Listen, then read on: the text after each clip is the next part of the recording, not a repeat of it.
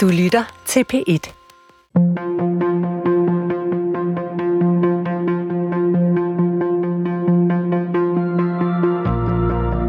Hvad kan vi bruge en næsten 2.000 år gammel samling tekster til? Kan vi overhovedet forstå os selv, uden at læse Bibelen?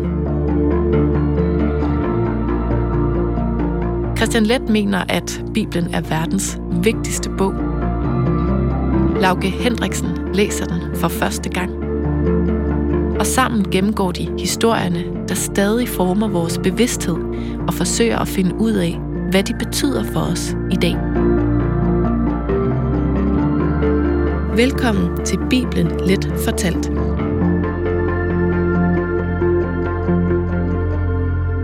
Josefs historie. Vi øh, efterlod jeg jo sidste gang, som sagt, med øh, Josef som Faros højre hånd, og øh, nu fortsætter vi jo den her øh, øh, vanvittige historie. Det her store drama, øh, den her fortælling om, hvad der så skete. Og jeg kan godt afsløre, Lauke, at det bliver en del mere kompliceret her i anden del. Øh, vi kommer også til at tage noget af en afstikker fra den store, det store eventyr. Nå, øh, det er jeg næsten ked af. Jeg, jeg synes, jeg synes ellers lige, det gik så godt i forrige afsnit.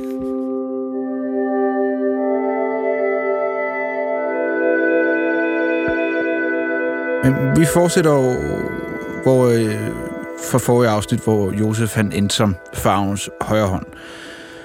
Og det gjorde hun, han jo med at, at tolke farvens drøm med det her med, at der først vil komme syv gode høstår, og dernæst syv år med tørke og hungersnød.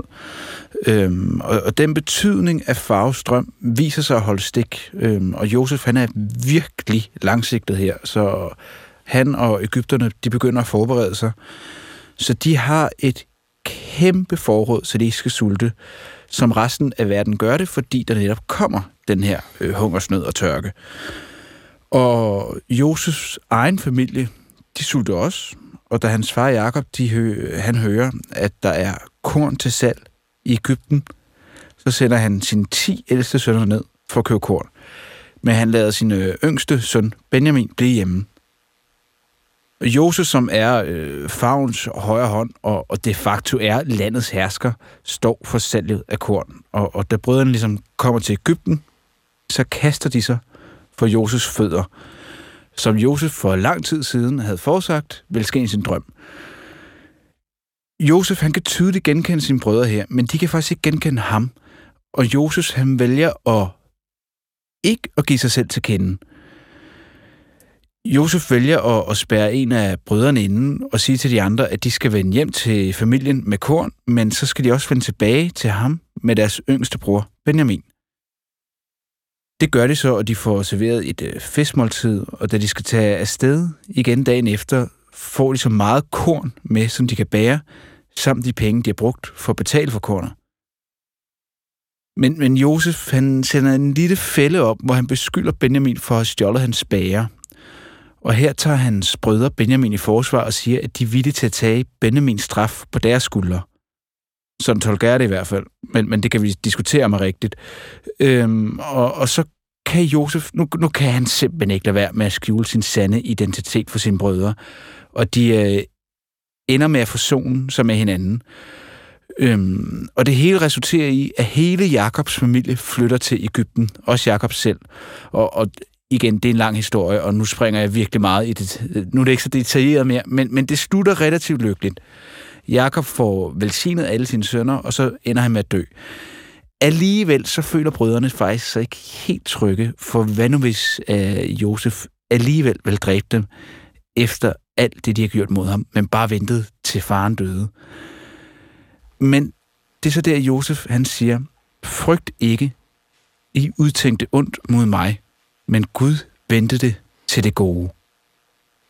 Det, øh, altså igen, det, det er en meget vild historie, vi er i gang i, og, og vi springer i mange ting, og værsgo, Christian, hvad skal vi tolke ud af det her?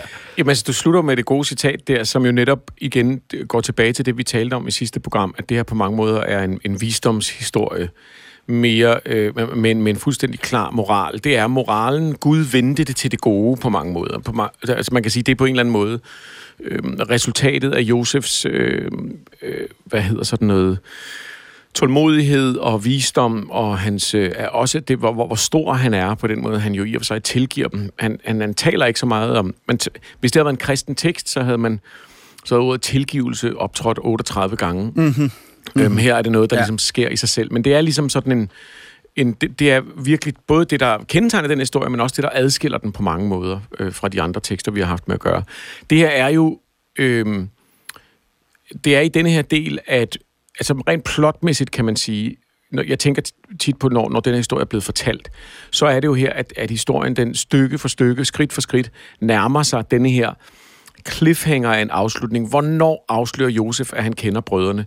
Øh, vi har flere steder, hvor han må vende sig væk og græde, øh, Øhm, fordi han syr skjuler, hvem han egentlig er, øhm, men, og, og bliver ved med at holde det her maskespil kørende for dem.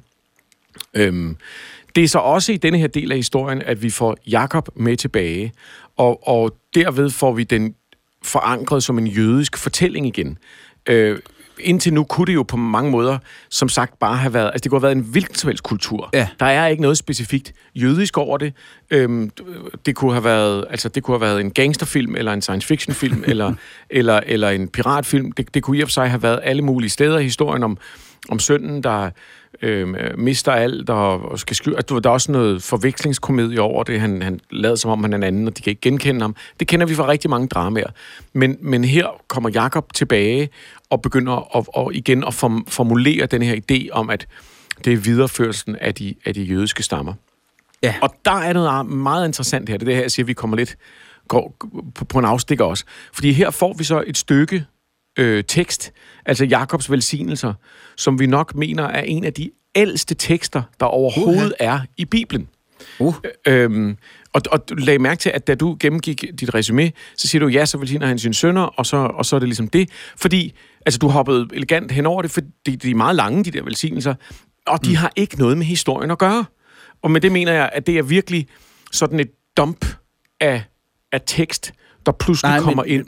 Men det, det er du ret i, jeg skal så sige, jeg er godt nok gravet ned i for at prøve at finde ud af, hvad de var. Øh, og, og, det, og jeg vi kommer, ved ikke, at jeg er blevet meget klogere. Men, nej, og men, vi, ja. vi, vi, vi kommer til, til at gå tilbage til dem, men, men det er jo netop, pointen mener jeg, det er jo rigtigt nok, at hvis, du, hvis jeg skal fortælle den her historie til mine børn, så kommer jeg ikke til at bruge øh, den tid, der svarer til de sider, på at, at ramse Jakobs velsignelser og hans sønner op.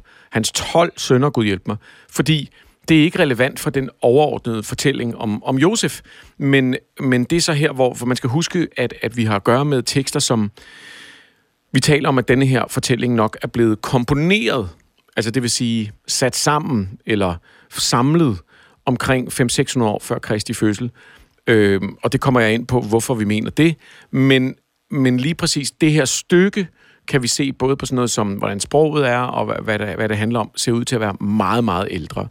Øhm, fordi, altså selvom det nok, øh, på mange måder kan man sige, det er det mindst vigtige for narrativet, men i en tidlig jødisk kontekst, så er Jakobs velsignelse nok det allervigtigste i hele historien. Det er her, altså det er her Da Vinci-koden ligger, kan man sige.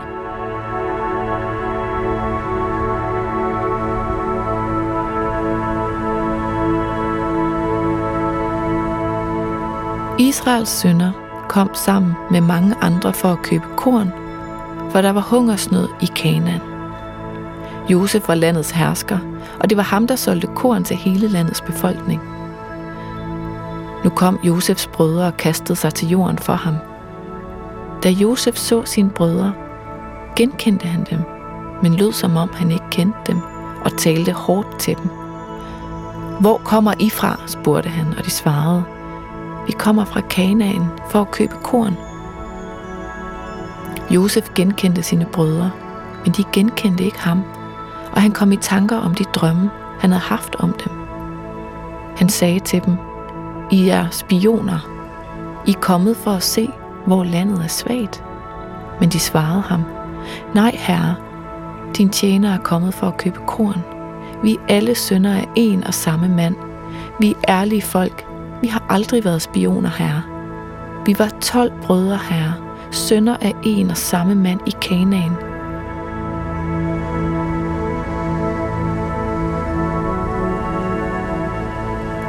Manden førte nu mændene ind i Josefs hus og gav dem vand til at vaske støvet af fødderne, og han gav dem foder til æslerne. Og de lagde deres gaver frem, før Josef kom ved middagstid, for de havde hørt, at de skulle spise der. Da Josef kom hjem, gav de ham deres gaver og kastede sig til jorden for ham. Han hilste på dem og spurgte, Hvordan går det jeres gamle far, som I fortalte om? Lever han endnu? De svarede, Vores far, din tjener, lever endnu og har det godt. Og de bøjede sig dybt. Så fik han øje på sin bror Benjamin, sin mors søn, og spurgte, Er det jeres yngste bror, som I fortalte mig om? Og han sagde, Gud vær der noget i min søn. Da kærligheden i broren væltede op i Josef, og gråden trængte sig på, skyndte han sig ind i sit kammer og græd. Derpå vaskede han sit ansigt og kom ud igen. Han beherskede sig og sagde, sæt maden frem.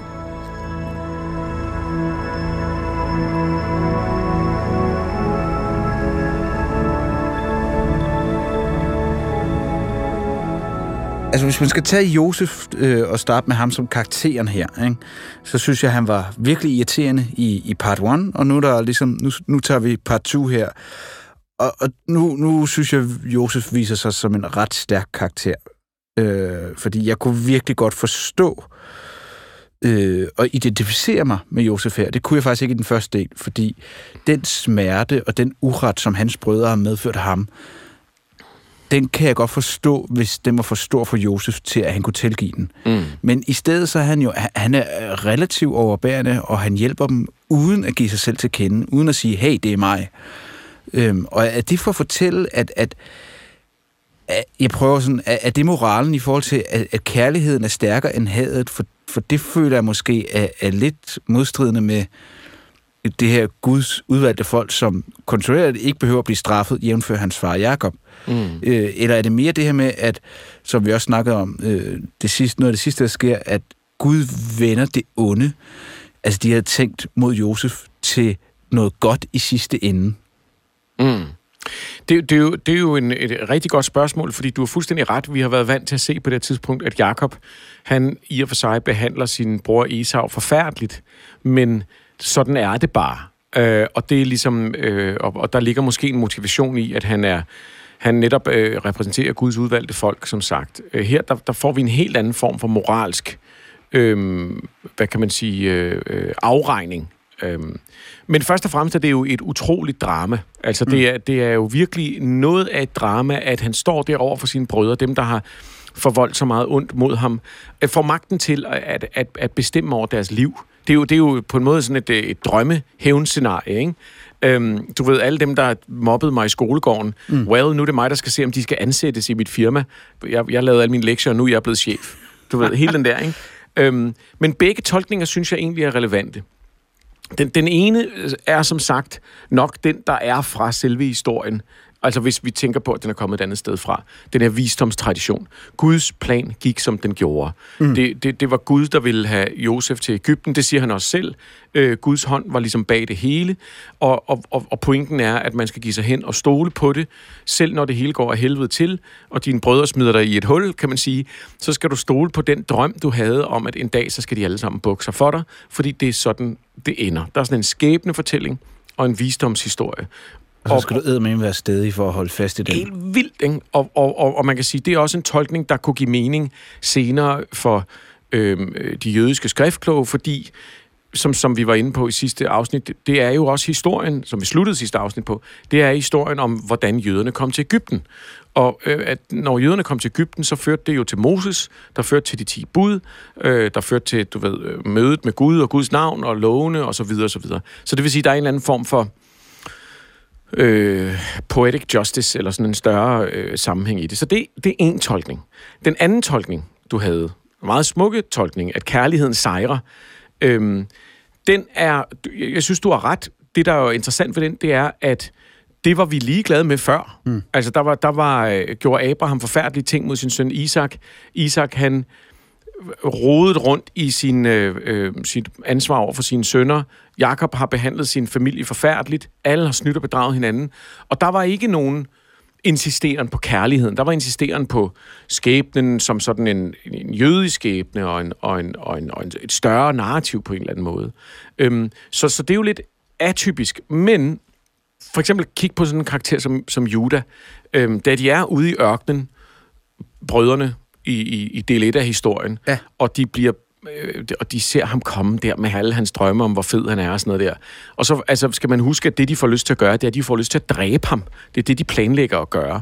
Så er det... Øh, først er det den ældste bror, Ruben, der stopper dem og siger, nej, lad, os, ikke, øh, lad os ikke gøre det. Lad os bare øh, smuk skubbe ham i det her hul.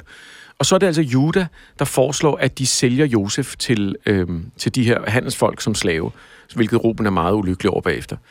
Jamen, der har vi i hvert fald sat noget op, ikke? Hvad, Der har vi hvad sat det er noget for op. karakterer. Men, men, men klip til, da, da Jakob ikke vil sende sin øh, sidste fødte, Benjamin, sin åbenbart anden yndlingssøn, afsted. Øh, og så, er det, så, så først siger Ruben til ham, Fordi han var den sidste fødte. lige præcis, så siger Ruben øh, øh, til ham, jamen, øh, jeg skal nok tage ansvar for ham, og det overbeviser ikke Jakob. Men der er det pludselig Juda, der træder ind og lover sin far at passe på ham. Han lover, altså det er den samme, der solgte Josef til Ægypterne. Ah, han lover at passe på ham, og det stoler Jakob på. Ah, så der har vi en hovedkarakter. Der har vi i hvert fald en, en, en, en supporting actor, øh, du ved, ja. øh, en Emmy-pris til en supporting actor.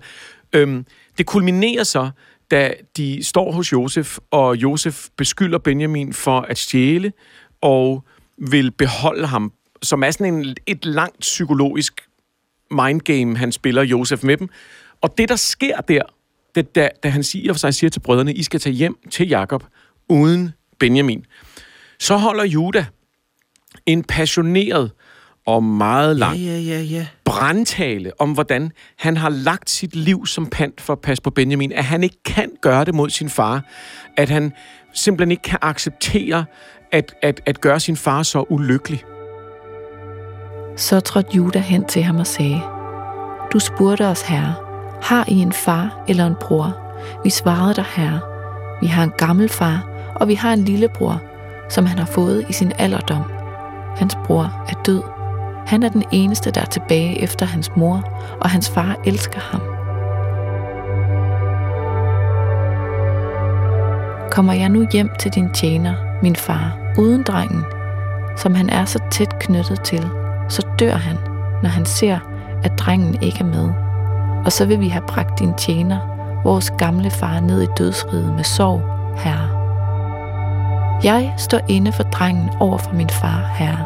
Jeg har sagt, hvis jeg ikke bringer ham med tilbage til dig, skal jeg altid stå som skyldig over for dig, far.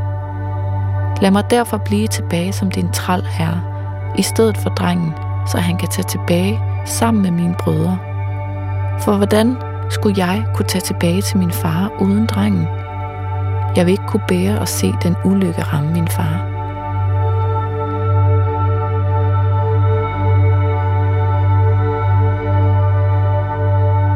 Øhm, altså, det, det, man kan næsten godt forestille sig, at det er som om Juda har gjort noget, som han føler, han skal råde bod på. Og nu siger, det kan simpelthen ikke lade sig gøre. Og det er, da Judas siger ordene, for hvordan skal jeg kunne tage tilbage til min far uden drengen? Jeg vil ikke kunne bære at se den ulykke ramme min far. At Josef, han simpelthen ikke kan mere, bryder sammen og, og, og afslører, hvem han er. Så, så der er en tolkning der, som på en eller anden måde er, at da Josef fornemmer, at de, at de, at, at, at de har ændret sig. At Juda på en eller anden måde, ham der solgte ham, har fået den her nye øhm, øhm, indsigt. Der er det, der får de lov til at blive tilgivet.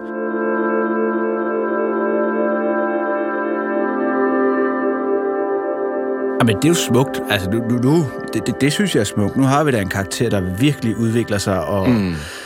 og ender med at stå stærkere, faktisk fordi han gjorde noget, der var forfærdeligt til at starte med. Ja, sådan, der er, desværre ender vi ikke her, Lauke, i vores fortolkning. Det skal blive meget værre, før det bliver Åh godt nej, igen. åh oh, nej, okay. Men, men der er til gengæld noget, noget, noget sjovt ved brødrenes rolle. Fordi at de både karakterer i denne her visdomshistorie, men de er jo også repræsentanter for de 12 stammer. Ja. Og man kan sige, at Jacob jo ender med at velsigne dem alle sammen, men som vi før har set det med, ligesom med Isaks velsignelser af Isak og Jakob, så er de her velsignelser ikke så lige fremme, som det lyder. Så mm. det vil sige, at velsignelsen har sådan en slags... Øh, det er både et politisk og et historisk øh, øh, øh, udsagn. Den, den har både sådan en, nærmest kan man sige, sådan en, en, en, en skæbnemæssig... Øh, det er et magisk ord, altså sådan skal det blive. Men er det, sådan, er det, er det et mundtligt testamente, eller det er mere end det? Ja, det, det, det, det tror jeg er en god måde i at, sig at sige det på. Det, det er et mundtligt testamente, altså sådan rent kulturelt. Det er noget, hvor man, man, man, man kun gør, hvem der har hvilken rolle i familien fremover. Og, og hvis du lægger mærke til det, så før velsignelserne, så gør Jakob noget ret interessant, som du ikke kom ind på, fordi det er så arbitrært og, og, og mærkeligt i forhold til plottet. Han velsigner øh, Josefs to sønner og adopterer dem.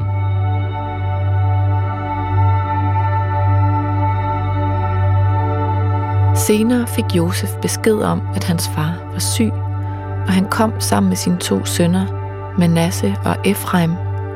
Jakob fik at vide, at hans søn Josef var kommet til ham, og Israel samlede sine kræfter og satte sig op i sengen. Så velsignede han Josef.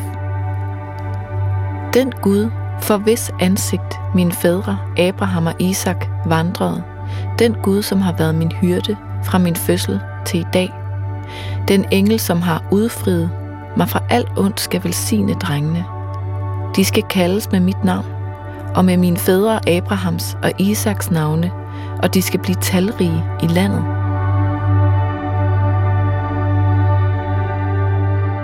Hvad betyder det? Jamen det ah, betyder, okay. at i stedet, ja, ja. For, i stedet for, at Josef har en tolvtedel af, ja, ja. af, af ligesom arvesystemet, så har hans, søn, hans sønner hver en så er der pludselig 13 stammer. Det er et problem.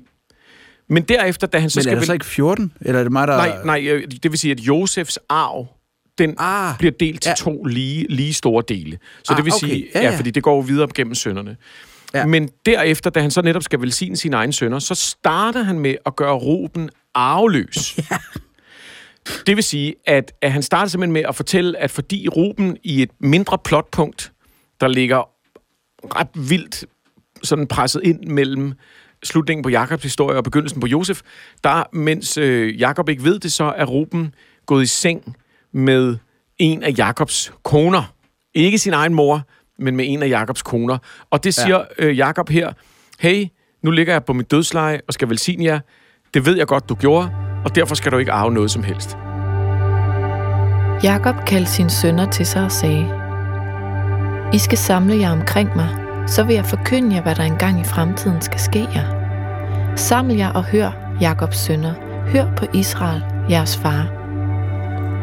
Ruben, du er min første fødte, min kraft, min manddoms første frugt, ypperst i højhed, ypperst i styrke. Du kom i oprør som vandet. Du skal miste din forrang, for du besteg din fars leje, da vandærede du min seng.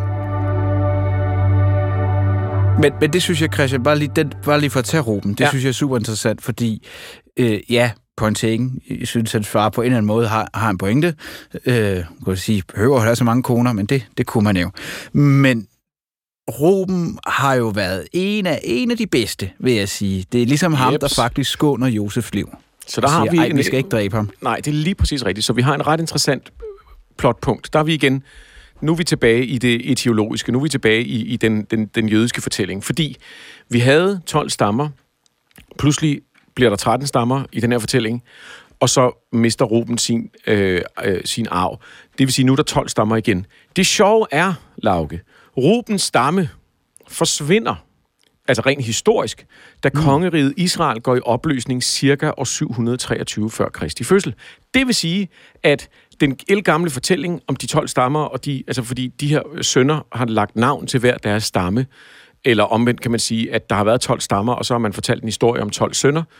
Øhm, den ene af stammerne forsvinder rent faktisk.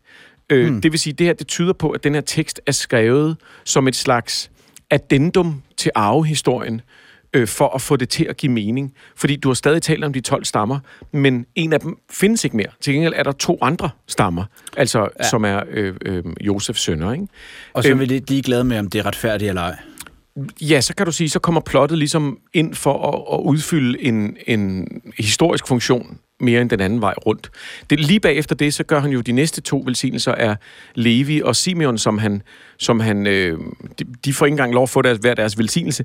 Han taler bare om, at de er nogle voldelige øh, mm. fjolser, og så taler han om, at de skal splittes. Han taler, at de skal splittes. Jeg, Jakob, splitter dem. Jeg, Israel, spreder dem. Simeon og Levi er brødre. Deres knive er voldsredskaber. Jeg vil ikke møde op i deres råd, ikke deltage i deres forsamling, for i deres vrede dræbte de mænd, i deres selvrådighed skamskar de okser. Forbandet være en vrede så hæftig, en harme så voldsom som deres. Jeg vil splitte dem i Jakob, sprede dem i Israel. Og det er jo nogle ret mærkelige ord om bruge om personer. Altså hvis jeg skulle tale til mine sønner, så vil jeg sige, I skal splittes. Men hvis jeg taler om stammer, så giver det mening. Og det interessante er, at levitterne, altså Levis stamme, er specifikt kendt for, at de er den eneste stamme, der ikke har noget land. De er splittet ud igennem det jødiske mm. folk. Øh, senere får de en anden funktion, det bliver en, en præstestamme, men på det her tidspunkt, der er levitterne den, den stamme, der er kendetegnet ved ikke at have et land. Det vil sige, det er også en forklaring af, hvorfor det er sådan. Øhm, den store stamme, da denne her tekst er skrevet, hvem tror du det er? Jamen, det er Judas stamme. Ja. Ju- judæerne. Og hvis du havde spurgt mig inden, så havde jeg jo selvfølgelig sagt Josef, ikke? Lige præcis. Og det er her, kong David kommer fra, det er her, Salomon kommer fra, det er her, ideen om det her mytiske israelske rige, det er Judas stamme, der sidder på hele Molevitten, det kan vi se rent historisk og arkeologisk. Øhm, så denne her velsignelse, den kan man argumentere for, den retrospektivt retter ind på rækkefølgen. Fordi normalt skulle Ruben jo, han var den ældste, og i, måske i den ældre version af historien, har han nok været den gode, ham der prøver at redde sine bror og så videre, og så videre. Og så kommer der de her velsignelser ind, som på en eller anden måde retter op på det hele, og fortæller, at det er derfor, at det er Judas stamme, der er den største, fordi Juda, han, det kan godt være, at han er, han er en, øh, lidt en, et røvhul i starten, men hen imod slutningen, der er det ham, der holder brandtalen. Det er ham, mm. der, der øh, øh, får en eller anden form for moralsk oprejsning, kan man sige.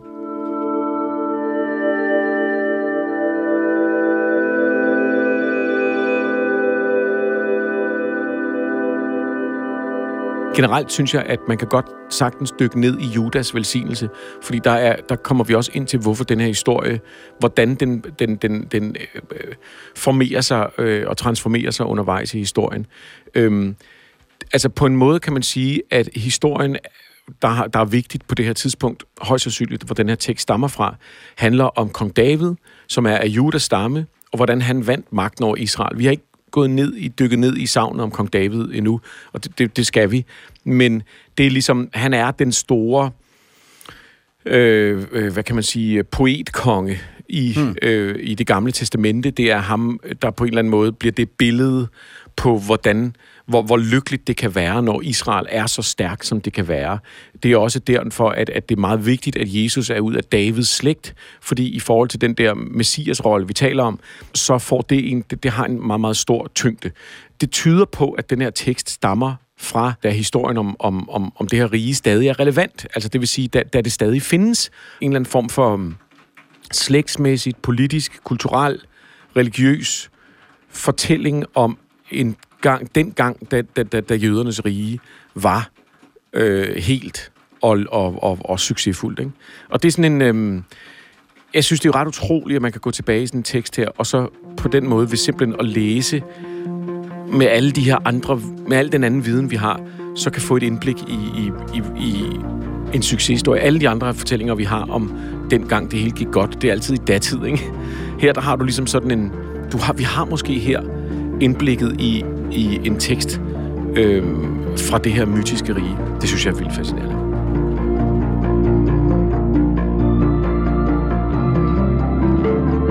Jesus vendte op og ned på samfundet og hierarkiet ved decideret at opsøge de allermest udsatte, dem der levede forkert. Den her omsorg og næstekærlighed blev en grundsøjle i kristendommen. I næste afsnit, der hænger Jesus ud med synderne. Du kan altid lytte til tidligere episoder i DR's radioapp, DR Lyd. Bibelen Let fortalt er produceret og klippet af Christian Let og Lauke Hendriksen for Munk Studios.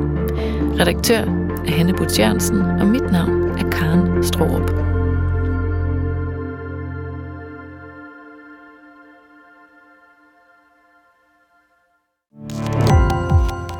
Gå på opdagelse i alle DR's podcast og radioprogrammer. I appen DR Lyd.